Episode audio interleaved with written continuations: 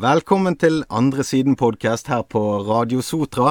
I dag er jeg med meg Tom Georg Indrevik, ordføreren sjøl. Velkommen. Ja, tusen takk. Ja. Det er spennende dette å få lov å være med enda en gang på podkast. Ja, det begynner å bli bedre her nå. Ja da, det er blitt fantastisk flott og skarpt lys. Og uh, du har fått med deg Radio Sotras nye glamorøse skilt. Uh, så det er klart at det, det, det kommer seg. Det, ja, ja. Takten øker. Ny stor skjerm og ja. Ja, Rolfen han setter inn pengene han er på der det, der, der, skal. Ja, ja. Ehm, det er valg nå. Det har jo alle fått med ja, seg. Det er jo det som er, det er gøy i Norge. Det er alltid et valg for oss eh, politikere. Da. Og Det er mm. klart at uh, hvert fjerde år er det stortingsvalg, sånn som det er nå 13.9. Og de andre årene, altså annethvert år, uh, innimellom der, så er det kommune- og fylkestingsvalg. Så jeg mm. er jo ikke på valg nå, og det er for så vidt godt. Uh, det er greit å ha ro i to år til før du skal i gang med det, men det er klart at det er jo noe av det mest høytidelige vi gjør. sant? Mm. Eh, jeg, eh, det er jo mange denne gangen som har forhåndsstemt. Vi regner vel kanskje opp imot mellom 30 og 40% vil stemme, forhåndsstemme her i kommunen før vi eh, når valgdagen. Det var vel rundt 3-24% som alt hadde stemt når vi var på torsdag-fredag sist uke. Eh, og nå har vi fortsatt en uke igjen da, ja. når vi to sitter her. Ja. Ja. Nei, jeg, eh, jeg, liker å stemme på valgdagen, jeg. Jeg syns det er litt sånn eh, sjarmerende. Uh, jeg har alltid gjort det, mm. og gjør det om morgenen. Og i år mm. skal jeg også rundt i alle valglokalene og se, eller snakke med de som gjør en formidabel jobb for å få avviklet valg. Og ikke mm. minst i år er det utfordrende pga. Eh, smittevern og avstand og spriting og sånn. Og så er jo et stortingsvalg enklere å avvikle enn et uh, kommunevalg. Mm. Ja. ja. Men vi har jo snakket tidligere og sånn, og jeg syns det er spennende det du sier at det, det er litt sånn verdivalg i år. sant? Er, ja, for meg har det alltid vært et mm. verdivalg. Siden jeg var eh, 16-17 og begynte i dette gamet, så er det klart at det Saker er noe politikere forholder seg til hver dag. De kan lage flotte programmer, men programmene er jo stort sett uaktuelle når de er ferdig. Mm. For verden rundt oss skifter så fort. Eh, det jeg tenker hvis du skal gå inn og bestemme deg for hva skal jeg stemme for i år, da, selv hvis du er ung og skal mm. stemme for første gang kanskje, så sier jeg greit. Da går du inn og ser på hva er Kall det det som på fint heter formålsparagrafen til partiene, eller det som eh, jeg kaller, jeg kaller partienes grunnsyn. Hva er ryggmargen til dette partiet? Uavhengig om de er for den veien, eller unnskyld, glad i, glad i den type saker og den type saker. Mm. Hva er ryggmargen til partiet? Og det er klart at det ser du tydeligere denne gangen enn vi kanskje har sett tidligere. Da, ja. ja. for jeg, eh, jeg, jobber jo individuelt med mennesker, sant? for ja, ja. å få de tilbake igjen til hverdagen. Og eh, systemet er jo bra, og systemet tar vare på oss. Eh, vi faller utenfor, eller vi blir syke, eller sånt. Men eh, jeg liker jo individet. Og individet tar sant? Altså, ja. men altså ja, da, gi, gi, tro på mennesker. Ja da, ja. sant. Og det er jo en del av et system. Sant? Mm. Så av og til når vi, når vi i politikken så jeg sier det, De snakker om seniorbølgen, eller mm. eldrebølgen som kommer. Det er jo ikke en bølge. Det er jo ikke en gruppe. Det er liksom mange forskjellige typer mennesker, men det blir flere av de. Mm. Men hver enkelt av de har helt forskjellige behov og forskjellige ønsker.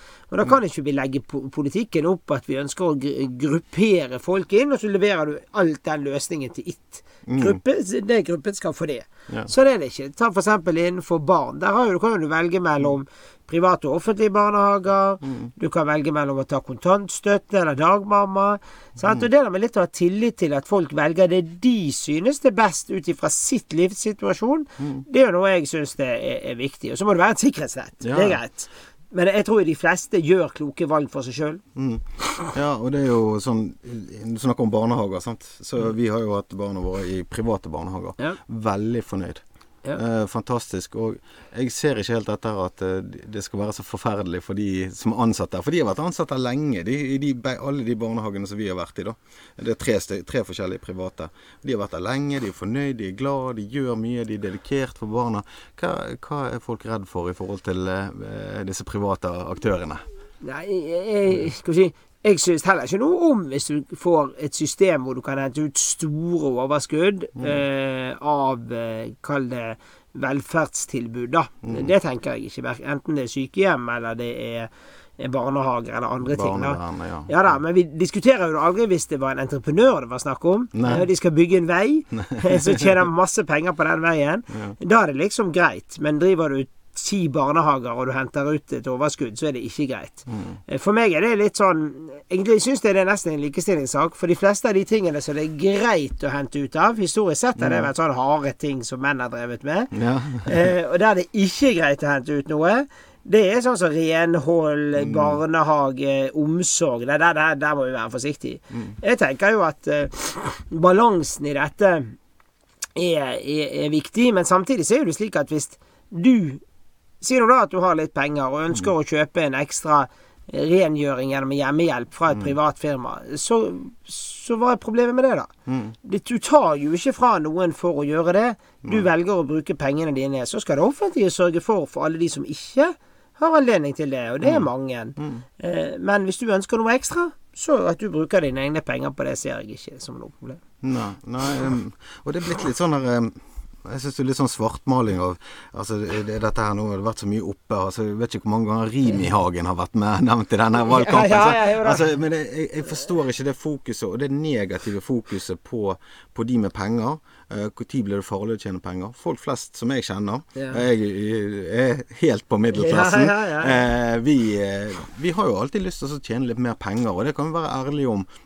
Eh, og eh, kanskje ikke være så Jeg vet ikke Jeg føler det er en litt sånn bitterhet overfor de som tjener penger, da. Ja, også, si, I Norge er jo arbeidslinjen veldig viktig. sant? Mm. Uh, Arbeiderpartiet har jo hatt etter krigen arbeid til alle, jobb nummer én. Mm. Men alle som skal ha en jobb, må jobbe i et sted. Dette mm. firmaet er, eller bedriften er eid av noen, og de er nødt til å velge hvor de investerer pengene sine. Mm. Har du da mye penger og skal investere enten i bedriften din eller på børs eller i eiendom, så må det være attraktivt å investere i bedriften. da. Det må være en gulrot her. Helt rett. Og så er det tatt at i Norge er det, er det høy skatt eh, på, mm. på, bedrifter, alt som det er. Og grunnen til at jeg er veldig engasjert i dette, er jo at eh, det må være likt hvis du eier en bedrift og sitter i Houston, eller du mm. eier en bedrift og sitter på Vindenes. Mm. Så må eh, skattesystemet være make. Og vi bør jo egentlig heie på norske eiere, sant? for de har respekt for norske systemer, de kjenner norsk kultur, eh, og de har en eh, jeg kaller det stedbundet næring. Det er ikke helt det, da. Mm. Men det er sikkert de, de kan ikke bare skru ned skiltet og flytte. Nei. Sant? Når vi hadde oljenedturen her ute i 2015, hvor vi mistet mange tusen arbeidsplasser, så er det klart da at da var det en del av disse firmaene. De skulle ikke ned skiltet sitt engang. De bare stengte og dro. ja, sant? Mens du har for eksempel da som, som eh, en jeg kjenner veldig godt til, Jarle Vindenes og Sotra Contracting og sånn. de måtte omstille seg. Mm. De måtte drive med andre ting. De måtte finne andre markeder. Og det er jo den innovasjonen vi trenger, da. Ja. Og den viljen til å så Og da blir det urettferdig at de skal betale mer skatt enn et internasjonalt firma. Mm. Så kan man si ja, da burde internasjonale firmaene skatte mer. Ja, men det klarer vi ikke å få til. Nei. Den innrettingen som er Eh, den er. Så, så min, min, eh, denne formuesskatten som mange bruker mye ressurser på, mm. Eh, for meg er det en skatt som egentlig heter skatt på særnorsk eierskap. Mm. Og det er vesentlig forskjell. Da begynner folk å tenke ja vel. Ja, hvorfor er det det? Jo, har du et stort amerikansk firma som leverer det samme som ditt firma, du er eid i Norge, de er eid i USA, mm. så må du betale mer skatt enn de siden av deg. Og sånn kan det ikke være. Ikke det der, når, når, du sier det, så tenker jeg på de av Facebook og Google og sånn, så ja, ja. du får ikke fatt i en krone fra de. Nei, det gjør du ikke heller. Ja, sant? Men dette er jo nesten ned til en mekanisk bedrift. Eh, mm. Det har pågått nesten. Noen de leverer den samme plattformen, holdt jeg på å si, eller samme røret til en plattform. Mm. Eh, men de ene må betale en annen skatt enn den norske. Og jeg tenker at Sånn kan vi ikke ha det. Eh, vi trenger arbeidsplasser. Alle har lyst til å, få en jobb. Eh, og en jobb må være i en bedrift, og som jeg sa i sted, noen eier denne bedriften. Og der må det være attraktivt å ha norsk eierskap til norske bedrifter, og da er vi nødt til å gjøre noe med det skattesystemet. Ja, det, det er jeg 100 enig i. For dette, vi er så avhengige av det. Vi er jo sårbare. Du ser jo hvor mange bedrifter som har flagget ut. Helt rett. Sant? Og dette tenker ikke på folk på, for dette er ikke sånn at eh, du åpner fabrikker med tusenvis av arbeidsplasser hver uke her. Fall, Nei da, vi håper jo vi skal få litt nå når denne CO2-lagringen begynner å bygge. Mm. At vi skal få flere tiltrekket oss. Mm. Tiltrekket større, men de fleste av de vil være utenlandske. Ja. Som etablerer seg her. For det er attraktivt å etablere seg her, for vi har løsninger som blir ute etter med å kunne levere eh, grønne produkter til verdensmarkedet. Da? Ja, og det der er jo det jeg tror på en måte det, det grønne skiftet handler jo om innovasjon, egentlig. Helt rett. Altså finne nye løsninger. Eh, men jeg syns det blir litt sånn Vi er litt for med pekefingeren og sånt. Og jeg snakket med en, en uh, psykolog hin dagen, faktisk. Ja. Og um, da var vi inne på hvordan vi motiverer og sånn som så det. Da snakket han om gulrøtter, og derfor ja, nevnte det i sted. Ja. ja. men altså positive ting. Altså sånn som med, elbil. sant? Da kjøpte jo folk elbiler. Ja da, de kjøpte ikke elbil for miljøet, de kjøpte det for lommeboken. Ja, da. Og det er helt greit, det. det, det så lenge de kjøpte elbil. Ja, sant. Og det, hvis vi kan finne de løsningene, så er vi nærmere Uh, det grønne skiftet enn vi aner. Sant? Jo, men jeg tenker du kan gjøre det tenker på flere områder. Ta ja. frukt og grønt i butikken. Sant? For du setter momsen på den etter 12, nei, 12% unnskyld, så blir det økt omsetning. Sant? Mm. Og jeg tenker jo at vi må bruke mye mer markedsmakten og utfordre den enkelte i måten de handler på. sant? Mm. Og deres hverdagsopptreden. Eh, ja, de små valgene. Det snakket vi om i sist. Ja, ja, sant, jo da. Ja, og det tenker jeg er utrolig viktig. Også når, du, når vi da kan reise internasjonalt igjen. Det er jo land jeg aldri vil reise til, for jeg støtter ikke de regimene. Mm. Jeg kan ha sympati med innbyggerne, men jeg vil aldri reise der for det. sant? Nei. Så skal jeg la være å nevne navn, for det, det kan bli en utfordring av og til. Ja. Men, men, jeg tenker jo at sånn kan det også være. Jeg og handler i butikken og ser et produkt som er laget eh, Eh, her på øyen, ja, da tar jeg heller det. Mm. Eh, tar Sotra fiskeindustri sine laks og eh, sant? Så plukker mm. du heller den istedenfor et eller annet sted som er laget kanskje i utlandet. Ja. Og da bruker du din makt til å så skyve dette. Og sånn kan vi gjøre det innenfor det grønne skiftet også. Mm. Så må nok staten legge til rette i forhold til CO2-avgift, i forhold til å, å uh, rettlede oss. Men jeg tror du må bruke begge virkemidlene. Ja. Og jeg tror de fleste vil ta gode valg. Ja. Jeg har den iboende troen på enkeltmennesket som vi begynte med. Altså hva er din mm. ryggmarg i, i, politikken? Min ryggmarg i politikken er at de fleste er i stand til å greie seg ganske godt sjøl. Mm. Ikke de det, så må vi hjelpe de. Ja. Eh, men frem til dess så må du heller gi de et utvalg av muligheter til å gjøre det. Og så tror jeg også at hvis vi forklarer ordentlig hva vi ønsker å gjøre, og hvorfor vi gjør en del ting i politikken, så vil de fleste kunne si mm, ja, det, det, høres fornuftig ut, eller det ikke høres fornuftig ut. Sånn? Ja, og det, Da tenkte jeg på de debattene og formidling, men det kommer litt, kommer litt tilbake inn til. Uh, men eh, jeg tenkte jo sånn i, forhold til uh, det som jeg frykter, da, hvis det blir regjeringsskifte til, til, høsten. Det er jo disse skattene og avgiftene som går opp. Og det er jo på en måte å, tenke, i, Jeg tenker på det grønne skiftet, da, som et eksempel. Eh, skatter og avgifter eh, på, på, for å få det grønne skiftet i gang. Det hjelper jo ikke noe. Det er jo innovasjon, gode løsninger. Eh, mer, kanskje lettere gratis buss, f.eks. Altså, ja, du kan, du kan bruke ting, mm. positiv motivasjon. Og det som bekymrer meg mest til høsten, egentlig, at det her ute er jo det ca. Ja, alle kjenner noen, eller jobber sjøl innenfor olje- og gassektoren. Mm. Eller de som jobber opp mot olje- og gassektoren. Og mange ser jo da det, det store, stygge ulven, det må vi slutte med og sånn. Mm. Jeg tror jo at olje- og gassektoren er kanskje den største verktøyet vi har for å få til det grønne skiftet. Det er jo den som betaler for det grønne skiftet. Ja, sånn, og du ser de store ja. selskapene tar Northern Light, sant, som eh, bl.a. Equinor er tungt inne i. Mm. De som skal lage CO2-lagringsanlegg, eller bygge CO2-lagringsanlegget. De er jo Det er jo olje- og gasspenger de bruker mm. Eh, til ja. å lage nye fremtidige løsninger. Og det er klart norsk gass eh, er noe av det reneste i verden. Sant? Og det er klart at eh, hvis vi skulle stoppe med det, så vil jo det bli erstattet av noe som er verre. Og det er jo det kommet rapporter i det siste. Så kan man mm. diskutere den rapporten er bestilt av den og den og den. Alle rapporter er jo bestilt av noen. Helt rett, sant. Og så, og så jeg tenker heller den anerkjennelse vi har for at norsk olje- og gassektor er kanskje best på HMS. Mm. De er best på å ta vare på klimaet. Eh, det er ikke nødvendigvis en grønn næring, men det er ingen påstått heller. Nei. Men i den grønneste olje- og gassnæringen så mm. finnes det i verden, sies det. Og jeg tenker at da må vi heller være stolt av det, og så heller bidra til at de kan være en del av det verktøyet for å få til det grønne skiftet. Da. Ja, jeg, jeg, er helt enig i det. For dette, det, det, dette her Det blir jo ikke bare grønt skifte. Det, det, det, kommer til å ta tid, og det er ikke en quick fix. Og jeg digger Kan ikke vedta det. Nei, nei, du kan ikke vedta det. Nei, nå er det vedtatt. Nå ja, nei, Sund vedtok jo det. Det skulle være en blid kommune og mm. sant. Ja.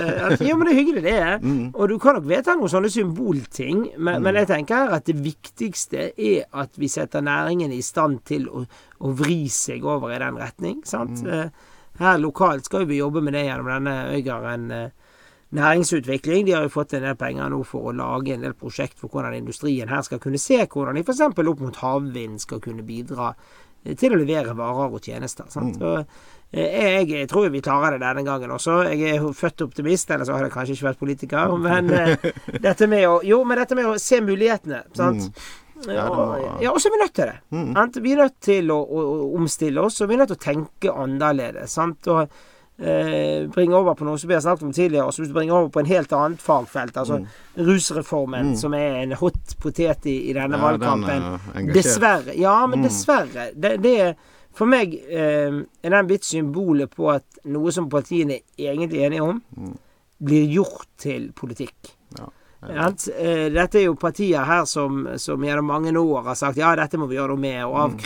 avkriminalisere det. Si at de heller må få hjelp, mm. og ikke straff. Eh, og det gjelder jo særlig de som er det er jo ikke de store fiskene her. De får ikke tak i likevel. Og det er jo de man må konsentrere seg om. Det er jo sønner og døtre og ja. mødre og fedre sant, som trenger støtte. Og det, trenger hjelp. Familiene trenger mm. hjelp. Og vi må innse at, at å putte de i fengsel fører vanligvis kun til det verre. Ja. Uh, man må heller Og dette kan du mye bedre enn meg, men, mm. men uh, det det, der med, og tilbake, det blir tilbake til å se enkeltmennesket, ikke mm. systemet. Ja, sant? For reaksjonen for de fleste Ja, dette er forbudt, dette må de ha straff for. Sant? Mm. Ok, men hva er målet, da? Er det å straffe de, så du skal føle at de har straff for det? Tror du de blir redd for å gjøre det en gang til, for de blir straffet? Nei. Nei det, er det, det, må inn der. Og det, det, det er jo uh, vitenskap bak dette. Det er forskning bak det. Sant? Som, som, så, så det, er jo basert på kunnskap, og det, det, syns jeg var veldig rart. Og, uh, mange som jeg møter, de har reagert veldig på at den ble stemt ned. Føler det som et ja, svik, på en måte. Sant? At Arbeiderpartiet òg ja, ja. Jo, men, var, og de er jo egentlig for det. Og da føler jeg at mm. vi kanskje Hvis de er slik, i så fall er de for store deler deler av han. Og at det er slik at det er blitt viktigere å ha politiske motstandere enn å løse problemer. Mm. Vi han, eh, det, er ikke det, som, det, er ikke det jeg tenker folkevalgte skal gjøre. Nei, i forrige periode her så var jo jeg varaordfører, og vi samarbeidet med Arbeiderpartiet i Gamle Fjell kommune. Mm. Og det var jo for å sikre langsiktige løsninger til innbyggerne. Så var ikke alltid vi var enige, men det er lov. Ja, men det, er, det er eh, viktig, det er viktig å ikke alltid være enig, men også kunne finne løsninger finne for det. Finne løsninger og kompromisser som gjør at vi bringer samfunnet ett skritt videre. Mm. Det tenker jeg er utrolig viktig, og det håper jeg også etter For i Norge er jo det slik, da, som jeg har sagt en del ganger de siste dagene, at eh, det er ett eh, system frem til valgdagen klokken 21 når resultatet kommer. Og så er det et annet system etterpå. Ja, da kommer hverdagen. Ja, og så må man finne flertall. Du vet, I Norge, i motsetning til ute i Europa, så kan ikke vi skrive ut nyvalg. Eh, vi har de samme politikerne i fire år. Mm. Eh, så derfor er det viktig. Du, så jeg sier til folk at du kan ikke stemme ut ifra den sinnsstemningen du har den dagen, eller hva du syns om dem på det bildet. Nå er vi tilbake til ryggraden. Sant? Ja, da, ja, ja, litt det grunnsynet. Og jeg, jeg, forstår det er vanskelig hvis du Og jeg treffer mye førstegangsvelgere også når vi har disse morgenaksjonene og deler ut bananer nede på terminal her på Straume og i Skogskiftet. Eh, og det er veldig koselig, da, for du treffer jo folk ja, fra alle typer mennesker. da, sant? Mm. Til han ungdommen du ser ikke har spist frokost. Så jeg antageligvis har gitt noe banan. Vi har vært der fem-seks ganger nå gjennom valgkampen. Og du vet at skal du ha banan? Ja, i dag òg er det vel. Ja, jeg er her. Så fint. Eh, men det der med at de, de forstår at det valget du gjør, det påvirker oss i fire år fremover. Mm. Det håper jeg folk gjør. Uansett hva de stemmer, da. så at det påvirker hvordan samfunnet vårt blir i fire år fremover. Mm. Og det, det, er et ansvar du får lagt på skuldrene dine som velger. At du kan ikke bare Stemmer du da eh, et parti som, som kanskje aldri kommer på Stortinget, så i realiteten er du da med egentlig bare å kaste vekk stemmen din. Mm. Ja, jeg stemmer de for jeg syns at det er et signal. Ja, ja, kjempedeg godt det, da. Men da har jeg engasjert meg i noen av de etablerte partiene og prøvd å trekke politikken i den retningen jeg liker. Mm. Jeg har ikke alltid flertallet med meg i Høyre for alt som er mitt, mitt syn der. Eh, men likevel så er det bedre å være innenfor et system du kan påvirke, enn å sitte i et system som aldri vil kunne mm. påvirke. Sant? Ja, sant? Og så kan du, du, der kan du debattere dine meninger, og så kan du finne løsninger ja, igjen. Sant? Sant? FN, ja, går du tilbake til kommunevalget, så var jo mm. FNB kanskje en sånn protest. Nei, nå er det nok med bompenger. Ja. ja hva har det ført til, da? Ingenting. Men, men, har det ført til mer bompenger, da? det, ja, det samme. Ja, det har ikke vært noe endring, sant? Nei. Eh, for, for, for uh, Politikk er det som eh, noen populært kaller, hashtag helheten. Mm. Og hvis det er ingen som tar ansvar for helheten, da bryter dette sammen. Ja. At det kan stemme. Hvis jeg bare var opptatt av miljø, så hadde jeg stemt Miljøpartiet mm. De Grønne. Mm. Men tror du men, Ja. Ja, for det hadde blitt så de, de hadde kjempebra løsninger på mm. akkurat det området. men ikke på helheten. Ja. Nei, for jeg tenker Vi kaller det styringspartiet, sant. Ja. Eh, her i Norge. Og sånn som Høyre har jo vært styringspartiet nå de siste åtte årene.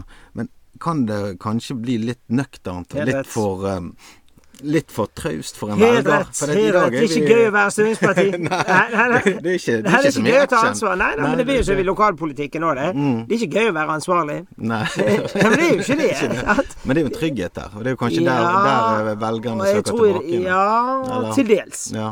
ja. Det spørs hvordan strømningen er akkurat der. Mm. Sant? Og, og uh, at det er jo ingen som blir, uh, blir uh, helter av å ha orden i den kommunale økonomien. Nei. ja, nei, for å si det, da. For det er jo kun middelet. Sant? Det blir jo så skattepolitikk. Det, Erna Solberg skrev jo en bok når vi begynte på dette Høyre-prosjektet for en del år siden. Dette er 'Mennesker, ikke milliarder'. Mm. Og jeg syns jo det er blitt litt mye milliarder i denne valgkampen her. Ja, det, eh, det er lett, ja, lett for ja, å dele ut litt ekstra, vet du. Ja, jo, men også Pengene er for så vidt bare et middel. Mm. Det, det, er jo middel til å løse de problemene vi har. Og i fremtiden, det eneste som er sikkert, er at vi får færre milliarder. Mm. Hvordan løser vi det? Hva sier vi nei til? Hva prioriterer vi? En kjent eh, Trine Eilertsen, som nå er i Aftenposten, er jo oppvokst her ute. Eh, og gikk i parallellklasse med meg, med meg da. Og det er tatt at det der med å At media og sånne som deg som har podkaster, utfordrer også Hvem tar ansvar for helheten her, da? Hva mm. skjer? Sant? Hvis du sier ja til alt, mm. så sier du i realiteten nei til alt. Ja. For du prioriterer ingenting. Ja. Og Det er jo kanskje det, det, jeg tenker på her i Norge òg. Eh, vi fokuserer kanskje for lite på det gode. At vi har det bra. Ja. Og kanskje av og til tenker jeg har vi det litt for bra? For jeg syns vi har en liten tendens til å klage mye. Og peke, gjerne klage på ting som andre skal gjøre, istedenfor at vi kan gjøre det sjøl. Altså, nå, nå, nå, generaliserer jeg selvfølgelig, og så kan folk skyte meg for det, men, men um, det er liksom det derre det er jo en kraftig motstand. sant? Altså Det, det der å kunne uh, ha en litt sånn vekstopplevelse på å komme, komme fremover sammen. sant? Ja, ja, ja. Og så kunne gjøre, gjøre, utfordringene som individ og vokse på det. Uh, men altså når vi har det så bra, så kan det kanskje hende at vi blir lat, så vi ikke tar de utfordringene, om det gir mening. Sånn. Ja, kanskje. Også, også det jeg også føler av og til, er at vi, vi blir veldig egoistiske. Mm. Sant? De som hvis du ser rundt deg i samfunnet i dag, så er jo det fortsatt mennesker som ikke har det bra. Det er fortsatt mennesker som trenger det offentliges hjelp. Eh, men det er kanskje ikke de vi prioriterer høyest. Eh, for det er ikke de som kommuniserer mest i sosiale medier. Jeg bruker ofte et eksempel i lokalpolitikken. Eh, I forrige periode la vi ned noen skoler i Gamlefjell kommune. Eh, og mailboksen min ble full. Jeg har stor respekt for at folk kjemper for, skolen sin og syns at det er viktig for lokalsamfunnet. Eh, men som politiker så blir min viktige jobb da også å ta hensyn til de som ikke sender meg mail. Mm. Kutter jeg et par millioner i rusomsorgen eller en tre-fire stillinger på barnevernet, så det er ingen som går i demonstrasjonstog utenfor uh, rådhuset for det. Men for meg blir det utrolig viktig. For når du leser både det som står i media og det du du blir fortalt internt og sånt, at uh, de historiene der, og ikke minst de pårørende som du var inne på sted, det er jo det vi som politikere er nødt til å tørre å si. At vet du hva, vi prioriterer de som ikke sender oss mail og står i demonstrasjonstog. Vi prioriterer de som faktisk, som det av og til sier, sitter nederst ved bordet. Eh, og det er litt av den ryggmargen jeg tenker at vi, vi er nødt til å utfordre politikere på. For de som er for alt, de er også mot alt. Eh, for de klarer ikke å prioritere. Ikke, ja, nei, det, det, nei, for det er jo summen av gode ting mm. vi er imot. Ja. Det er jo ikke hver enkelt god ting. Ja, også litt sånn det der Det er jo lett å gi penger. Det er jo ganske lett. Vi er privilegert sånn her i Norge. Men så er det noe som skal Det skal gjøres en jobb òg. Det skal jo utføres. Og, og, der er det kanskje litt sånn det glipper. Eh, enkelte ganger, føler jeg. Sant? For vi må tørre å stå på. Og så blir det kanskje litt for Eh, passivt, eller hva jeg skal si, i noen tilfeller, til å få gjennomføringen. Sånn som for de gruppene som du nevner der, eller at det blir litt for eh, Ja, altså det er vanskelig å gjøre endringer, da. For det, egentlig så har vi det ganske bra, og så kommer det en liten sak, og så blir det noen penger. Ja. Og så eh, Ja, ja det er så vi skal lage budsjett for mm. neste år, da. Øygarden kommune har jo et budsjett på rundt 3 milliarder kroner. Det høres jo fantastisk mye penger ut, ja. sant. Vi er 2800 ansatte, eller 2400 og et eller annet årsverk. Um, Og alle gjør jo en fantastisk jobb. Det er jo ikke sånn at du kommer på jobb og ikke bidrar. Uh, alle gjør en fantastisk jobb. Eh, men når vi skal gjøre det, så har jeg eh, tenkt å utfordre administrasjonen. Altså, hva Hvem er mest Hvor er det Hvis du snur alt på hodet i kommunen, altså snur pyramiden på hodet, eh, og treffer spissen, som treffer en innbygger, mm. hvor smerter det mest? Sant? Og for meg blir det da eh, særlig innenfor barnevern. For det er klart at eh, det er jo, vi har 50 ansatte i barnevern ca. her ute. Eh, mange sier det, det er jo kanskje for lite, men det er ganske mange likevel.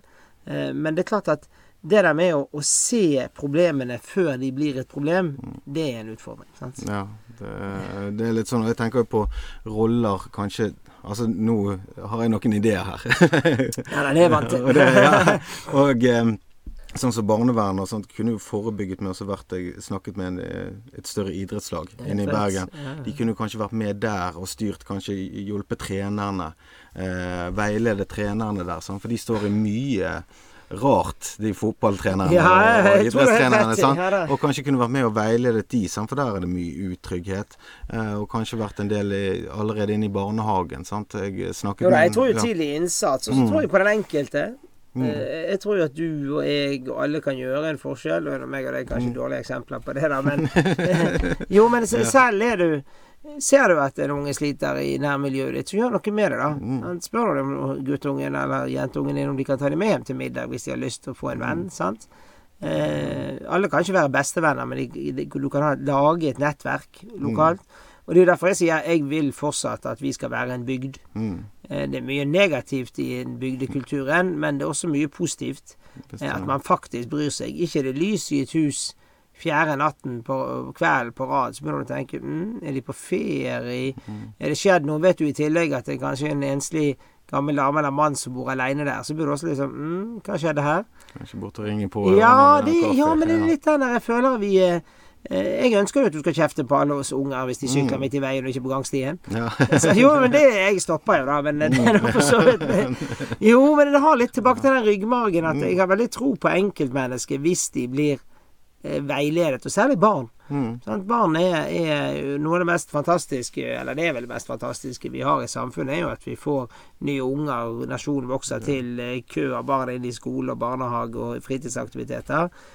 Men det er jo ikke alle kommer i utgangspunktet inn med samme, med samme ryggsekk, mm. og så er det vi som putter ting oppi den. Ja, det, ja. og det er jo litt det der likt, likt utgangspunkt, det er jo ikke likt uh, ut, Nei, resultat. Sant? sant? Men, for noen blir ryggsekken for tung. Mm. At de må ha noen til å hjelpe og bære. Ja. Jeg var på en sånn motsamling her nå, eh, for vi skal bruke dette motarbeidet også mm. nå til å bygge kommunen. Eh, vi er en av de få kommunene som skal gå inn i dette med mot som samfunnsbygger. Ja, de gjør fantastiske arbeid. Ja, og så gjør de noen sånn tankerekke mm. som jeg syns er veldig bra. At, at, eh, De har en del flotte bilder på dette, og det er koblet både til idrett og til skole. Og nå skal vi prøve å koble til kommune, til næringsliv osv. Og, og da er det det som på godt norsk heter mindset. Eh, altså hvordan møter du utfordringene som du treffer, enten du er voksen, eller du er ungdom, eller du er barn, foreldre, besteforeldre osv.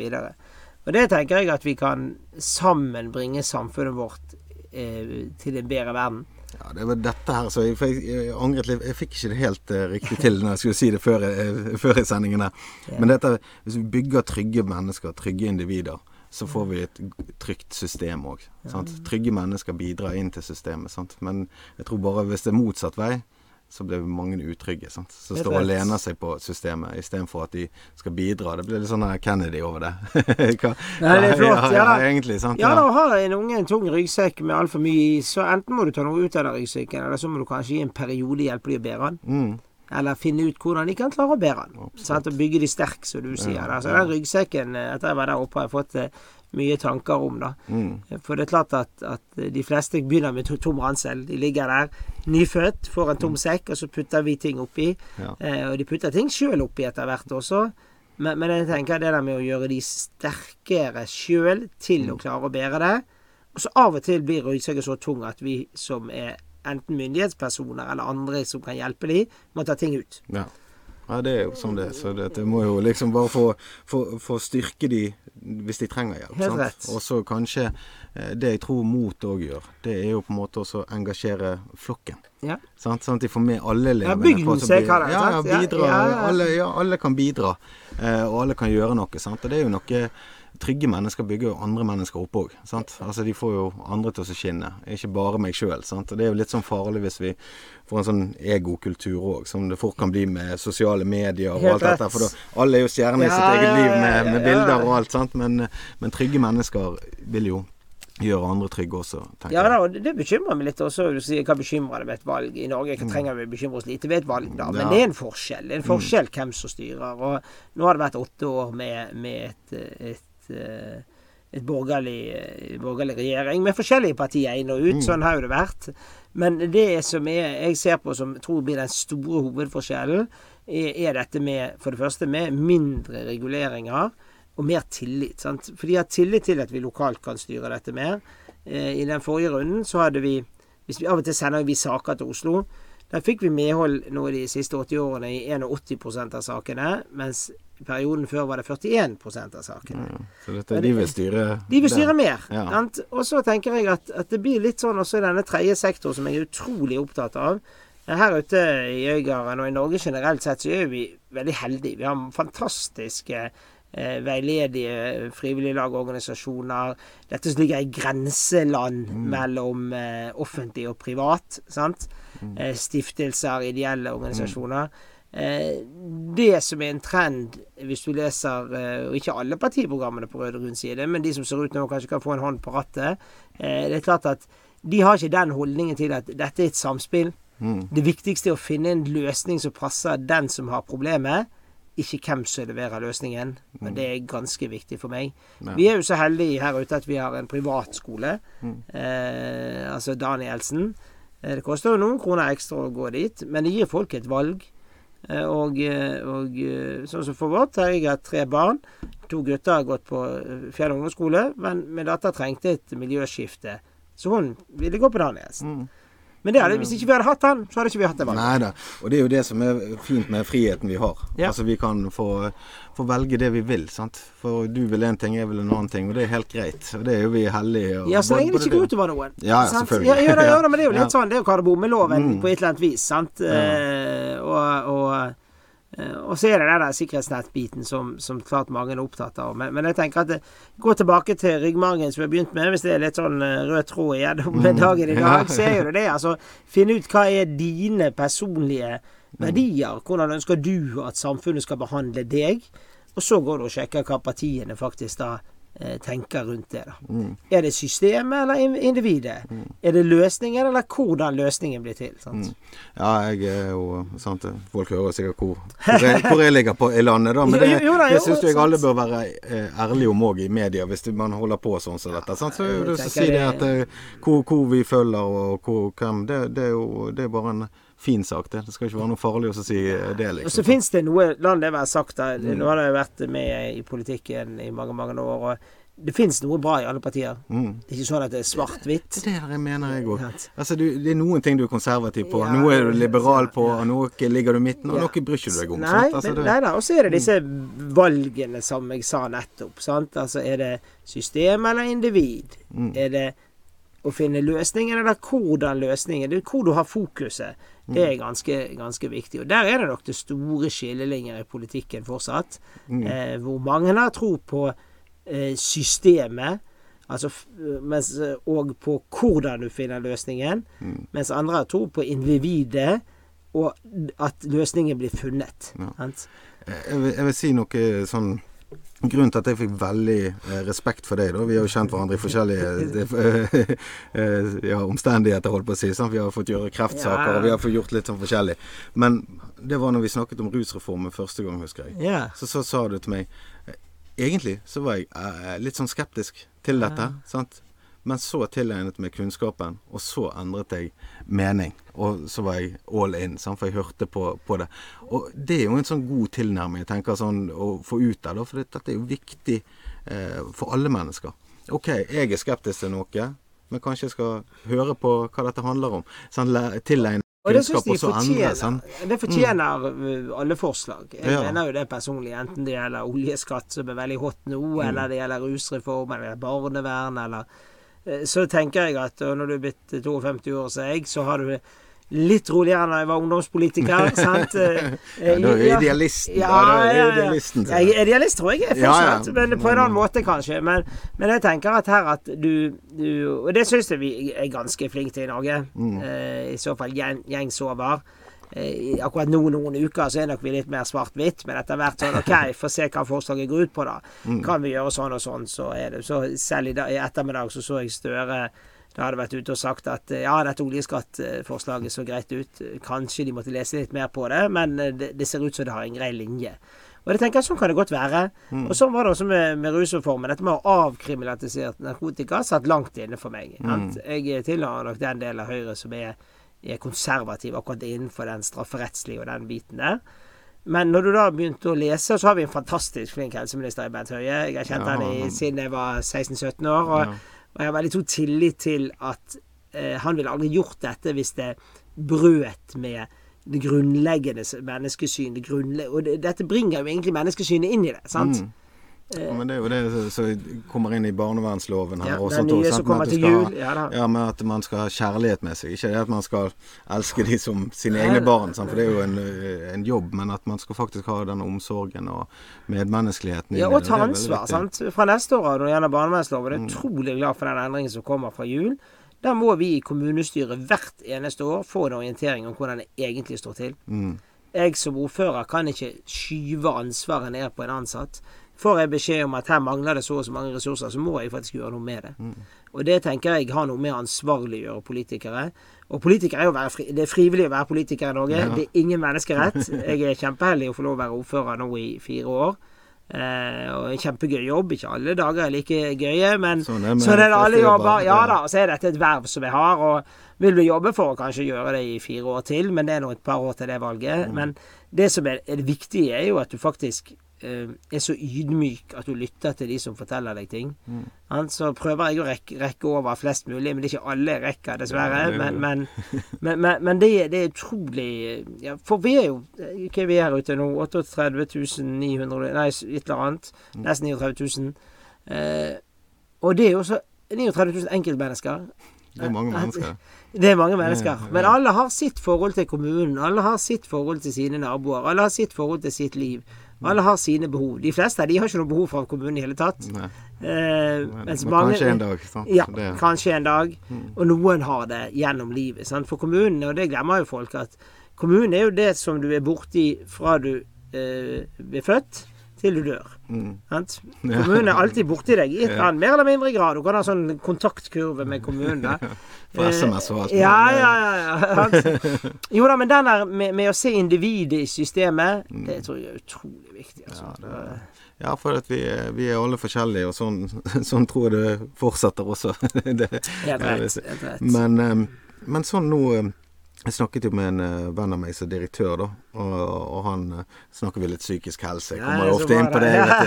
uh, og han sa jo det at mange i hans omgangskrets, da, de er jo ledere på høyt nivå og sånn som så det de hadde gjerne litt sånn coaching eller psykolog, eh, psykolog eller sånn. Han bruker jo trening som sin, da, ekstremt på trening, sant? for det der går han og nullstiller. For det kan være ensomt der oppe på, som leder òg. Hvordan føler du uh, rundt de tingene der? Ja, jeg er sånn, sånn, som bare, for, så, sånn som når du, den brannen tenkte på som var ute. Da så jo jeg at du løper var jo overalt. Ja, sant? Altså, du står jo i eh, mye der, sant. Altså, det, det er jo lange dager. Og... Jeg har, jeg har tunge perioder gjennom mm. korona. Og så, la det være sagt, det er noe av det mest krevende jeg har, vært involvert i. Eh, og så må du være involvert, samtidig må du distansere seg. Mm. Så er jeg heldig og har uh, god familie rundt meg. Jeg bruker jo det mye. Mm. Eh, min kone er jo fantastisk rådgiver inn i det. Eh, og så løper jo jeg òg, da. Mm. Jeg tror mange ledere, og mange, ikke bare ledere, men mange løper eh, eller trener eller gjør andre ting for mm. å koble ut. Eh, men jeg må lade, jeg også, så de mm. spøker meg hjemme. Ja. og når jeg lader, så sover jeg stort sett. Mm. Hvis jeg er veldig presset, så må jeg sove. Ja. Eh, og da frigjør det så mye energi at jeg kan gå på igjen. Da. Ja. Og så får jeg også energi og tilbakemeldinger. Sånn er vi alle. sant? Det er som en katt. Jeg sier, burde du klappet litt? Så ja. ja, ja. Jo, men det er jo å være ærlig på det. da. Du får jo mye tilbakemeldinger, både på godt og vondt. da. Ja. Eh, og så har du noen veldig nære venner. Det tror jeg at eh, alle fortjener i den grad det er mulig å ha ha nære venner som nødvendigvis ikke er så inni det som jeg er. Mm. Så, du trenger ikke ja, se politikk politikk på fritiden? Nei, vi har noen bestevenner som bor ute i Åsane. og de er ikke inne i politikken. De kan mye om politikk, mm. vi kan diskutere politikk og sånn. Det, mm. eh, de, de, har høye stillinger innenfor offentlig sektor, men ikke her ute. Og, men det er utrolig greit å ha noen som ikke er inne i det været, for du blir jo veldig opp i det du er. Det er som boble, jo... Ja, men nå er jeg tilbake igjen til det jeg egentlig var valgt for. da. Nå mm. skal jeg to til tre dager hver eneste uke være utenfor kontoret. Ja. Altså, ute og treffe folk, ute og se organisasjonen vår, mm. se alt det bra vi gjør, som du sier. Mm. For ofte får jo du kun melding om det som ikke funker. Ja, du får de dårlige nyhetene, sant? Ja, ja, men du må ikke glemme de gode nyhetene. Ja, og Brann viste jo nettopp det. Jeg satt uh, klokka var elleve den torsdagen ute på, på Tranevåg ungdomsskole, og vi hadde sånn pop-opp legevakt. Det var ikke det det heter. Det var nei, nei. fremskutt legevakt, har jeg lært det heter. uh, og, og, det var helt fantastisk når du så hvor de snudde seg rundt, og vi fikk tilkjørt mat, og de åpnet skoler når det kom vaskehjelp på, på jobb. Så, så, så, jeg tenker jo at det der man sier om at offentlig sektor ikke kan snu seg rundt, det er helt feil. Ja, ja. Eh, jeg tror at eh, der er det utrolig mye kompetanse som er uutløst. Mm. Utrolig mye handlekraft som er uutløst. Og at de snur seg rundt når de får en kultur og sjansen til det. Mm. Og Det er min jobb som, eh, som øverste politiske leder i, i kommunen det å utløse det potensialet og skape trygghet for det, ikke ja. minst. Sant? Og så ser jo jeg den eh, frivilligheten i deg. Sant? Du ja, liker å, å, være der hands on. Selvfølgelig. Mm. Eh, og det tenker jeg er jobben min. Mm. Eh, jeg er ansiktet til kommunen utad, enten det er i gode eller dårlige tider. Mm. Og når det skjer sånn som f.eks. Brann, eller i dag når det var Kom deg ut-dagen, som mm. jeg innom der, så har det noe med å, å Hva det sier at Politikk er ikke noe du driver, politikk er noe du lever med. Mm. Det er jo som jeg sier internt i partiet, da, at eh, vi driver ikke valgkamp i Vestland Høyre. Vi lever valgkamp. Og valgkamp er ikke noe du gjør to måneder, valgkamp er noe du gjør i fire år. Ja, ja, ja. og det glemmer du litt. Sant? At det møtet du har, enten du treffer en, eh, en dame på Rema 1000 som vil fortelle deg historie, eller eh, du får en mail av noen, det er måten å jobbe for innbyggerne på. Så kan ikke du alltid gjøre det de ønsker du skal gjøre, men du kan lytte til dem.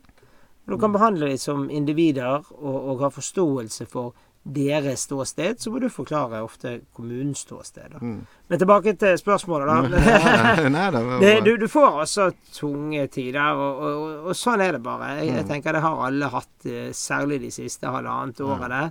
Um, hvor du, de, sant, Hvis du leste avisoppslaget da fra, fra 14.-15. mars om at de regnet med at dette var over i løpet av to mm. måneder ja, det, var, det, ble litt lenger enn det. Det ble litt lenger, sant. Ja, og det, det har nok, eh, ja, også for meg som for alle andre, mm. vært, eh, vært uh, tungt. Ja. ja det, det, dette er jo sånn som vi er kjent på òg, og det er jo litt sånn godt, Vi er jo, vi er bare mennesker alle sammen. Sant? Det, men noen velger jo noen verv. så, ja, jo sant, da, så i det, Men da er det viktig å ta vare på seg sjøl òg. Men det, det som jeg tenker nå i den med koronatiden, det er jo hvor utfordrende det har vært. Fordi at du aldri vært ute for noe sånt før. Altså ikke i vår tid iallfall. Sant? Eh, og så har man jo jeg har ikke så mye medisinsk kompetanse. Da. Ikke Nei, så, og så skal du videreformidle det som de andre ja. sier, på en god måte og på en trygg måte. Ja. Eh, altså Det er jo forvirrende, for det går jo egentlig litt sånn i det uvisse hver dag. Ja, og så lærer du deg. Jeg har jo lært mye, da. Jeg har vel aldri lært så mye på halvannet år siden jeg gikk i barneskolen, sikkert. sant? Og så har vi utrolig flinke folk rundt oss. Både nasjonalt gjennom FHI og, og Helsedepartementet og dette. Men også lokalt her. sant? Smittevernlegen og kommuneoverlegen min og den gjengen de har med seg utrolige eh, mennesker som har forståelse for og Det er ikke mye ferie de har hatt, skal jeg eh, love deg. Nei, det tror jeg. Eh, det blir sånn som her. Sant? Hver dag klokken tre har jeg fått eh, oppdatering det siste året. da. Eh, og vi har fantastisk kommunikasjonsavdeling med Villek Bekke i kommunen. Så det har jo noe med det å ha respekt for hverandres roller. Mm. Eh, og så søke kunnskap. Jeg har aldri lest så mye rundskriv fra FHI i mitt liv. Eh, ja, du forstår jo det like ja, lite som alle andre. Ja, sant? men um, um ja. Jeg sier mandag denne uken. Det blir på mandag. Datoen i morgen det er ja. femte, sjette Nei, ja, nei jeg, ja, i så fall. Det er mandag i morgen tidlig. Så har vi det kommunale kriseledelsesmøtet nummer 100 i forbindelse med pandemien.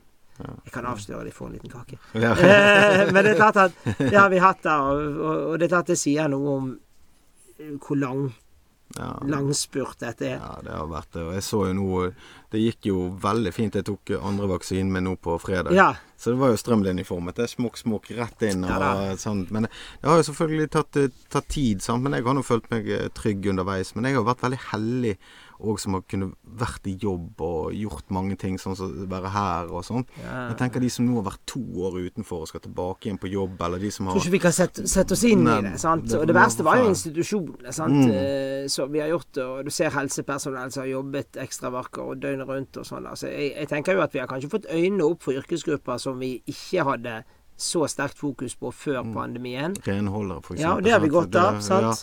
Ja, de som jobber i butikken. sant? Ja. Altså det, det der du sier jobber bare i kassen. Jeg hater det. For ja, hvor skal jeg få maten min fra, da? Helt rett. det er du, du som er med og, i, i leddet her. ja, det tenker jeg vi skal lære oss. At yrkesgrupper tar inn for vann og avløp, f.eks. Mm. Sant? Uh, ja, renhold spesielt. Jeg var med å feire de litt uh, her. Når vi trodde det var litt åpnet opp igjen her i, i, tidligere i år. Og, og, det var jo nettopp for de snudde jo seg rundt på en litt ekstrem måte. Vi måtte jo legge om renhold helt på institusjonene våre for å prøve å holde det unna. Da, sant? Og, og ja, nei, jeg Ja, veldig sterk beundring for, for de yrkesgruppene mm. som her har kommet i, i skuddlinjen på en helt annen måte. Ta lærere, for eksempel, må trøste små barn. sant? Ja. Eh, barnehager og det, ja, ja, det er så mange sant. grupper. Men jeg, jeg håper òg vi forstår det at vi har en del hverdagshelter rundt oss her. Sant? Og at vi kan sette pris på de òg. Og at de kan sette pris på seg sjøl. Ikke minst. Være stolt når de kommer på jobb. Ja, Se seg i speilet om morgenen. Jeg gjør en viktig samfunnsoppdrag. Ja. Og det tenker jeg vi skal tenke igjennom også når vi treffer disse. Mm. Eh, egentlig treffer hverandre uansett. sant? Mm. Eh, ta de som jobber. Nå har jeg vært, fått lov å fly litt i det siste igjen, og skal fly en del utover høsten. Og jeg tenker på det Tenk her er kanskje folk som har jobbet i dette flyselskapet, som har vært hjemme et helt år. Mm. Jeg er veldig stolt for at vi får det hjem igjen, at, i, i gang igjen, unnskyld, og at vi har, eh, har eh, at det fungerer. Så det er det ting som er viktigere enn andre ting. og Det er ikke en menneskerett å fly, men vi har behov for å ha fly. Særlig i Norge, mm. hvor det er så grisgrendt som det er enkelte steder. Skal du komme til deler av Vestland bl.a., så kan du kjøre, men det tar veldig lang tid. ja, det tar veldig lang tid. Og det er bare til Oslo, eller om du skal fra Bodø til Tromsø, så er det, det, det, vi trenger fly. Eh, men fra, litt tilbake inn til det som vi var innom tidligere, da. Altså debattene nå. Nå så, så litt på denne her partilederdebatten og sånn. Ja. formidling. Det er ikke lett for en velger der å plukke ut eh, en vinner for seg sjøl. Skal, skal avsløre noe, siden ja. Jeg har ikke sett en debatt. Nei. jeg ser ingen debatt. Nei, men du har jo sett debatter før. ja da, men er under valgkampen. Ja. Under de siste valgkampene har jeg aldri sett debatter. Det, årsaken til det er, er, er, todelt. Det ene er at jeg blir så engasjert at jeg blir så utrolig ja, sur etterpå. Jeg klarer ti minutter. ja, jeg gisser bare opp, og så blir jeg bare pest og plage mm. til omgivelsene mine. Det andre er at jeg føler at de ikke gir et rett bilde av spørsmålet eller partiene. Mm. Eh, og jeg håper jo at eh, tilbake igjen til disse ryggmargen vår som vi startet med i dag, og ungdom som skal velge å stemme, eller eh, andre som skal bruke stemmen sin, eh, bruk nå heller bare en 20 minutter, en halvtime inne på eh, å se på partienes grunnsyn. Ikke bruk valgomater, det har jeg ingen tro på. Nei, det, er, sånn selv om jeg treffer sånn noenlunde hver gang. Men det er jo for jeg vet svaret på spørsmålet. Ja, det, det, det, er jo litt sånn uh, men, selvfølende profeti. Det, ja, ja, og jeg syns kanskje at uh, en del av de debattene som er blitt nå, er Jeg kunne ønsket meg mye mer eh, så det er vanskelig å si du skal ha mindre debatter. Ikke mm. mindre antall, men altså mindre mennesker til stede. For nå blir jo det kun en Eh, ja, det er jo eh, 'Flukten fra hønsegården'. Det fremstår jo som en koselig film i forhold. ja, det jo, men det er jo det der òg Alle leter etter YouTube-klippet sitt. Ja, ja, altså Det er omtrent sånn. Liksom, sant? Jeg skal ha punchline, for denne treffer. Ja, og de øver jo på det. Ja, ja, ja. Og, eh, men hvis du skal lære noe om partiet, eller du, skal, du må jo ha en samtale sånn som vi har nå. Jeg tenker det, det hadde vært mye bedre, for da får jo man frem gjerne mennesket og eh, verdiene til partiet. Altså det er litt og det, En annen ting du kan gjøre, som jeg vet noen gjør, og som jeg lærte før ofte, var jo at du skriver ned de tingene, ti tingene som er viktigst for deg. Mm. Og så hvis ikke du har lyst til å bruke tid og gå gjennom partiprogrammet eller sånn, så går du rundt på standen, så spør du Hva er viktig? Jeg, jeg er veldig opptatt av uh, Ta rusreformen, da. Hva mm. mener ditt parti om rusreformen? Mm. Vil dere gå inn for den eller ikke? Nei, ja, nei. Så lager du deg et sånt uh, uh, ruteark bortover, og så kommer du til en eller annen konklusjon. Ja. Men uansett, ta en liten titt på det som har med partienes grunnsyn. For, det, for meg er det liksom Politikk er noe som endrer seg hver dag. Grunnsyn er noe som står fast. Mm. Og det er liksom over tid. Og det er ganske viktig, syns ja. jeg. Og når vi er på stand, sant, så får du noen gode samtaler òg med noen engasjerte mennesker. Og der er jo litt sånn nå når jeg leste, det var vel i dag, om disse her uh, skoledebattene der man går så knallhardt ut. Altså nesten sånn og hetser eh, motpartiene. Og det, da syns jeg vi begynner å bevege oss. For det er sant, alle skjønner jeg er opptatt av samtale og liker å preike. Ja, og, sånn. ja, ja. og det er jo der løsningen sitter. Hvis du sitter og tråkker folk ned, uansett om du er fra venstre eller fra høyresiden eller hvor, hvor man er da, mister vi litt av det vi skal være stolt av her i landet. Jeg har jo vært i skoledebatter sjøl. Mm. Eh, jeg har ikke vært i debatter i denne valgkampen. Jeg skal i debatt på tirsdag eh, på Askøy om ja. næringspolitikk. Det er eneste debatten som jeg ble tildelt i år. Eller mm. det var ingen andre som kunne ta den, og siden jeg da jeg eh hadde tid, så jeg syns det er spennende med mm. debatt, jeg. Hvis det er tid til å forklare ting, tid til resonnementer. Og så er jo det slik da at 90% av tiden i en debatt bør du snakke om din egen politikk. Mm. Disse skoledebattene er blitt en kjempeutfordring. Mm. Eh, jeg har tett dialog med ungdomspartiet vårt. Eh, jeg er inne og treffer de jevnlig hver eneste uke mm. og får tilbakemeldinger. Hva skjer? Hvorfor skjer det? Eh, og for meg så jeg tror ikke det er mange etter en sånn debatt sier 'wow, jeg har lyst til å bli sånn ungdomspolitiker'. Dette gleder jeg meg utrolig til. Eh, og det gjør meg litt trist. Mm. Eh, for hvis ikke vi klarer å, å fostre opp nye politikere, noen som er samfunnsengasjert, om du er i politikken eller i, i speideren eller andre ting Det har noe med det å engasjere seg i samfunnet rundt seg. Eh, så har vi en utfordring. Så jeg tenker bare om å se på formen på disse debattene til neste gang. Ja. Så er det en vesentlig forskjell når det er nasjonal politikk og det er lokal politikk. Mm. Eh, jeg tenker jo kanskje kravet neste gang må være at det må være lokale som møter når det er lokalvalg. Ja. Eh, og gjerne lokale ungdomspolitikere hvis man har det, og det mm. har jo alle partier stort sett. Ja. Eh, Eller en i nabokommunen, da. Ja da, i ytterste konsekvens er det. Men sånn så mm. her vil ikke det være noe problem. Med så stor kommune som vi er, så ja. vil alle partiene kunne ha eh, mm. unge eller yngre politikere da, som, som stiller. da. Mm. Eh, og, forteller, og forteller om sin politikk. sant, så men jeg, nei, jeg er bekymret for det. Så får vi se litt hvordan, hvordan etterspillet etter valget blir, når man evaluerer ja. dette. Ja, jeg håper de rydder opp i det. For dette er jo noe med å møte motparten om man er uenig eller er enig, så kan vi møtes med respekt. Ja. Det er jo det viktige. Det er en av mine beste politiske motstandere skryter jeg ofte av. Det er eh, tidligere Arbeiderpartipolitiker eh, Ranveig Frøyland, mm. Eh, som dessverre døde for en tid tilbake. Og det er klart at meg og hun hadde de gøyeste debattene i kommunestyret. Eh, og kunne ha de gøyeste kaffesamtalene etterpå. Ja. Og det er jo sånne eh, politikere jeg føler vi, vi, trenger. At du har omsorg for hverandre. Og det tror jeg de fleste steder i Norge man har. Mm. Eh, og så klarer ikke man å la det smitte litt over på den ungdomsbiten. Så det, det bekymrer meg òg. Ja. Nei, da får vi ta være gode rollemodeller. det er helt rett, og det er vi kanskje ikke. Hvis du mm. ser disse partidebattene for deg som har sett dem, så er jo det, er jo det er jo litt sånn Jeg får oppsummering av de etterpå, da, men mm. jeg, jeg eh, orker ikke. Det ser ikke. Tenker på blodtrykket, vet du. Så. ja, både de, og så føler jeg av og til at, at uh, Jeg vet ikke. Jeg, jeg, tenker at det er viktig at man debatterer, men får man frem nyansene og mm. forskjell, liksom? Ja. ja. Og så får man gjerne ikke tid til alt det ja, alt er bare Rolfen, så det er to minutter her. Så. Ja, jeg ser det. Ja, nei, eh, og da får du kanskje ikke frem helheten. Nei. Du får bare uenigheten, og så er jo vi litt sånn Hvis noen sier det jeg liker, så holder jeg med den personen, og så blir, jeg der. Så, så da kommer du tilbake igjen til, til, til, dette grunnsynet, som vi også har snakket om gjennom hele dagen i dag. Og så dette hashtag-helheten. Mm. Ikke ta ut en enkeltsak og si at den styrer hvem du stemmer. Du er nødt til å prøve å tenke at det er en helhet her. Ja. Sånn, ellers så hadde jeg vært for Frp sin skattepolitikk, som var mm. mest mm. skattelette, ja. eh, og Arbeiderpartiet sin utdelingspolitikk, som betydde mm. mest til meg. Ja. så, så, går ikke de to sammen da, så står du her, sant?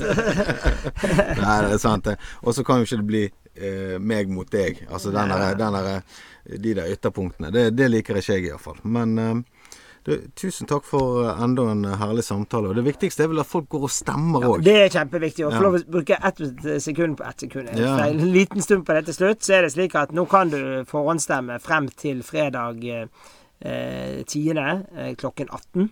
Mm. Eh, du kan også gjøre noe etterpå, men da må du være syk, koronasyk. Da må du ringe og sånn hvis ikke du har mulighet til å komme til stemmelokalet. Mm. Eh, men fredag klokken 18 er det slutt, og du kan stemme i hvilken som helst kommune du vil. Mm.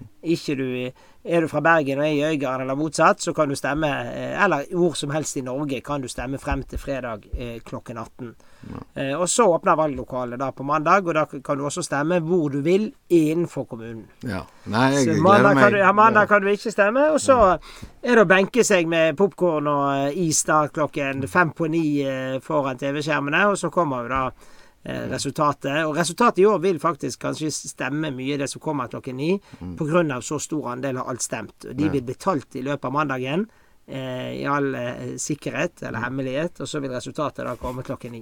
Ja, ja yes. Nå smiler Rolfen her og vinker på klokken. Da er dette, vi ferdig. det er vi, yes. Og du får med podkasten på Instagram, Facebook og YouTube og Spotify og alt. Og vi avslutter med å si godt valg. Godt valg. Ja.